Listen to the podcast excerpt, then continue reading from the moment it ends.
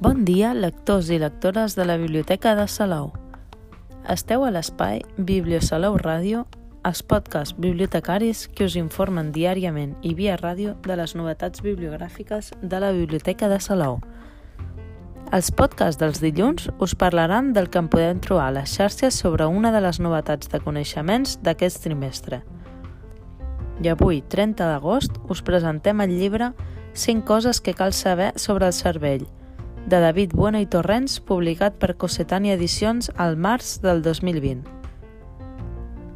A la ressenya de la contraportada podreu llegir El cervell està de moda. És l'òrgan que ens permet pensar, decidir i emocionar-nos. La seu de la nostra intimitat més profunda. Des de fa uns anys, la utilització de tècniques molt diverses ens permet correlacionar l'activitat cerebral amb molts aspectes de la vida mental. Què són les emocions i què ens emociona? Podríem viure sense elles?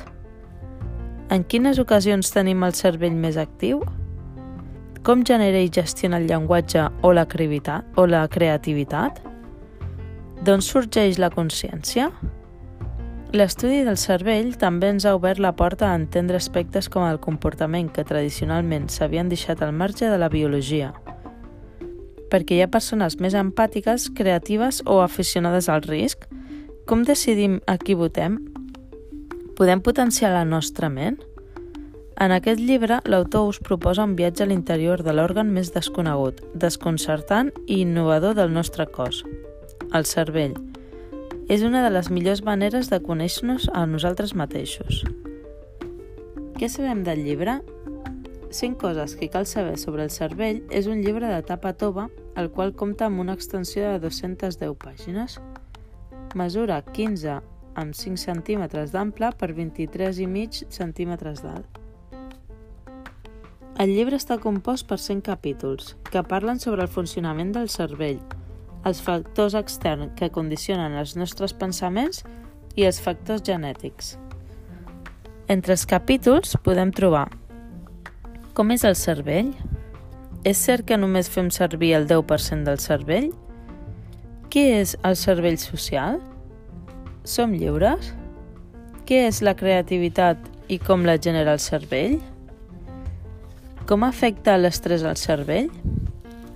Aquests i molts altres capítols són el que podeu trobar en aquest interessant llibre de coneixements que us proposem.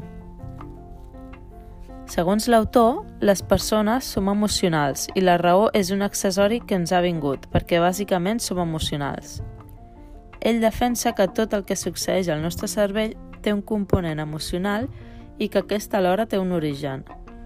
A més, afirma que el cervell va evolucionant a mesura que una persona es va desenvolupant, és a dir, que passa per diferents etapes maduratives. David Bueno i Torrens ens explica que les emocions són patrons de conducta preconscients que es desencadenen quan apareix un canvi significatiu d'estatus quo i es generen en una zona del cervell anomenada amígdala. És una forma ràpida de reaccionar vers possibles amenaces. Afirma que no podem controlar l'inici d'una emoció, però sí que podem treballar-les aprenent a racionalitzar-les, per ser conscients d'elles, sense menysprear la seva funció en la nostra vida mental, saber gestionar-les. L'hem buscat a les xarxes i David Bueno i Torrens és professor i investigador de la Universitat de Barcelona, especialista en genètica, neurociència i biologia del desenvolupament.